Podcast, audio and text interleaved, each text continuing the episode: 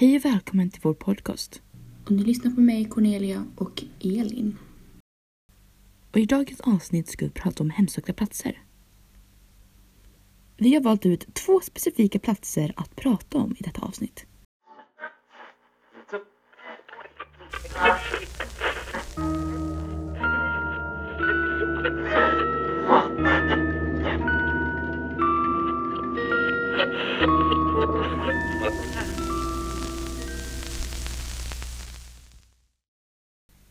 Bangra fort i Indien. Det är ett fort i Indien som byggdes på 1600-talet och ligger i en före detta stad som ingen har bott på många, många år. Och idag återstår bara ruiner och fortet som ska dessutom vara hemsökt. Det finns två sägner om varför just det spökar. Men det är inte bara sägnerna som får besökarna att vilja avstå från att stanna under nattetid. Utan Indiens regering har satt upp en skylt där ingen efter skymning eller innan gryning får vara på platsen. Men anledningen var att folk som stannar efter skymning var med om många konstiga och knappast trovärdiga händelser. Folk hörde konstiga ljud som skrik, gråtande kvinnor i rummen inne på fortet. Men det rapporterades också att man kunde känna en viss speciell lukt.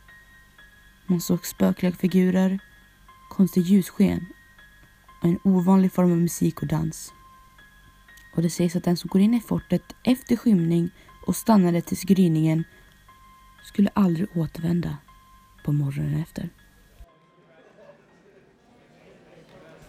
Ohios universitet ska vara USAs eller ett av världens mest hemsökta ställen och det ska vara byggt på början av 1800-talet.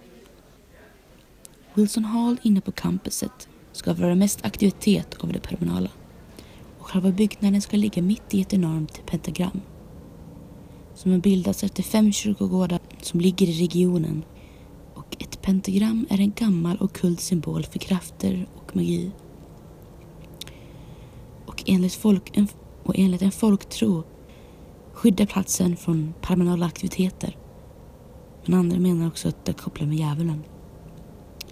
Det sägs att två studenter ska ha dött på universitetet. En kille ska ha dött oförklarligt i rum 428 på 70-talet. Och rummet är stängt och används inte av någon student på grund av att man hade fotsteg, pratande, knackande och man har bevittnat objekt som har flyttat på sig. Den andra var en tjej som utövar okulta saker i sitt rum och ska ha dött av en våldsam död. Hon skulle öva på en metod som skulle göra att hennes egna själ kunde förflyttas utanför kroppen.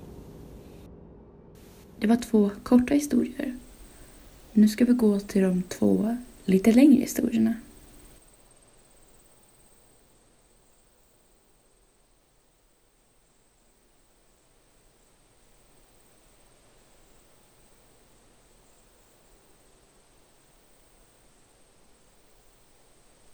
Aokigahara är en skog vid Mount Fuji. Den anses vara en av världens mest hemsökta platser på grund av alla självmord som äger rum där varje år. Skogen är, ju, är mest känd för alla självmord som årligen sker där. Det finns skyltar i skogen vid huvudstigen som uppmanar de som kommit dit för att ta sitt liv att tänka på sina familjer och att söka hjälp istället. Det står till och med ett nummer de kan ringa för att direkt prata med någon och få hjälp.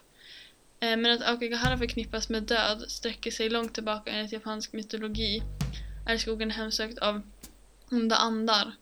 Och med tanke på alla som valt att avsluta sitt liv där är det inte så konstigt ifall skogen faktiskt är hemsökt.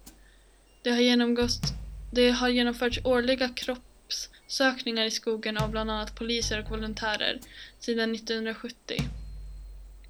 Avsett som den perfekta platsen att dö i Wataru Sumaruis bästsäljande bok The Complete Manual of Suicide. Ingen vet exakt hur många kroppar som förblir ohittade i Okagahara-skogen, men de som har hittats än så länge har redan gett denna plats ett kusligt rykte. Bara 2002 var 78 kroppar hittade, några av offren hade till och med en kopia av boken med sig vilket gör det ännu obehagligare. Folk som bor runt Aokigahara påstår att de kan se vilka som går till skogen för att beundra dess vackra natur och vilka som inte planerar att återvända. De säger att delar av anledningen till att folk bestämmer sig för att ta sitt liv i just Akigahara-skogen är för att de vill dö vid foten av Mount Fuji och för att skogen är så tät och tjock att ljud, bara från några kilometer in, inte hörs från utsidan. Eh, Akigahara anses vara den mest hemsökta platsen i hela Japan. Folk som besöker skogen brukar tycka att ljudet i skogen är obehagligt, även om det är ljud som i vanliga fall i andra skogar skulle anses vara normalt. Men med tanke på skogens rykte är det inte så konstigt om man blir lite extra paranoid. Och självklart hjälper det inte precis med alla läskiga historier om att träden i skogen skulle vara fyllda med ond energi. Vissa går så långt och säger att det känns som att träden inte vill att de ska återvända ut från skogen. Legender säger att det är massiva järninsättningar under skogen som orsakar kompasser och andra navigeringstillbehör att gå överstyr och fånga både turister och folk som är där att ta sitt liv. Medan Japans militär som regelbundet tränar i Akigahara säger att deras militära verktyg fungerar som de ska medger de att i princip alla kommersiellt, tillgängliga, kommersiellt tillgänglig utrustning inte gör det. Hur läskigt och hemsökt denna skog än är så måste den fortfarande tas hand om av vanliga skogsarbetare. Ibland hittar de kroppar i olika stadier av förruttnelse, oftast hängande från träd eller halvt uppätna av vilda djur. Men istället för att springa åt andra hållet och skrika tar de med kroppen till en, till en närliggande station. Här lägger de dem i ett litet rum med två sängar, en för den döda kroppen och en för en annan att sova bredvid den. Japanerna tror att ifall de lämnar kroppen ensam kommer den oroliga anden skrika hela natten och flytta in i det lilla sovrummet. Så arbetarna spelar spel som sten, sax, påse eller annat om vem som ska sova bredvid kroppen.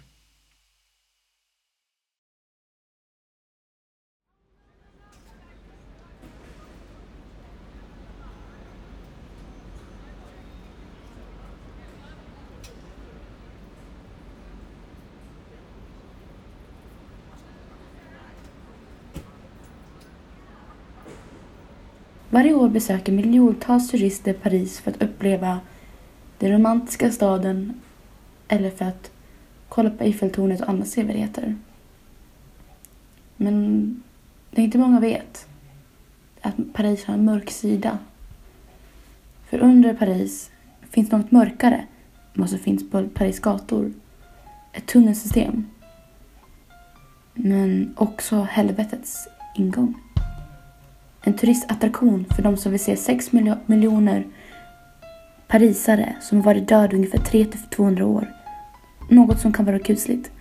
Men om vi går tillbaka 60 år före Kristus så grävde romarna stenbrottsgångar. Och idag är det drygt 300 kilometer långt. Under 1785 påbörjades förflyttningarna från de överfyllda kyrkogårdarna till tunnlarna. Det området av tunnlarna som kommer kallas katakomberna. Våren 1786 började man göra förflyttningar mer rituella. Man täckte över de uppgrävda kropparna under färden in i katakomberna i svart tyg. Och transporteringen skedde under nattetid. Män gick intill med facklor och präster sjöng för de döda. Platsen där man staplade upp benen blev välsignad innan första flyttningen. Och kyrkogård efter kyrkogård tömdes på lik och år 1814 blev man klar med förflyttningarna. Och det ska finnas 70 ingångar till katakomberna. Men få finns kvar att använda. Men de är hemliga. Och under andra världskriget användes gångarna som mötesplatser för den franska motståndarrörelsen. Och idag är det ytterst en jätteliten del som är öppen för allmänheten. Två kilometer kan allmänheten röra sig men det verkar vara för lite för de 130 000 illegala besökarna som hittas i tunnlarna varje år. Och det är Paris egna tunnelpoliser som hittar dem. Men man hittar inte bara folk i livet utan också folk som har dött. I en amerikansk dokumentärserie som heter Scariest Places on Earth så handlar ett avsnitt om katakomberna. Där får man följa ett sökande efter en man som under 90-talet filmade med sin kamera i både katakomberna och i tunnlarna. Och han tar sig flera hundra meter ner i videon. Det menar att han lyckas ta sig ner några våningar ner i systemet. Och det är jättelångt inne. Man märker hur han bakom kameran långsamt börjar röra sig lite snabbare fram. Han går snabbt till att springa. Han springer ifrån något men inte hör eller ser. Helt plötsligt tappade han kameran. Men det var hans enda ljuskälla. Kameran rullar och fortsätter filma hans fötter som slår ner i vattnet i tunnelns golv. Och kameran rullar tills bandet är slut. Men han sprang för sitt liv. Från någon eller något. Det måste vara liv eller död för valet att springa rakt ut i det okända, dessutom mörkret. Och om man springer i tunnlarna kommer man förmodligen träffa döden själv. För helvetets port lurar någonstans där nere. Vid det döda. Eller skulle du vilja leta efter den? Skriven och uppläst av Cornelia Eriksson. Det här är... Och det här var allt från detta avsnitt. Tack för att ni har lyssnat. Nästa avsnitt som vi släpper kommer komma ut den 9 december.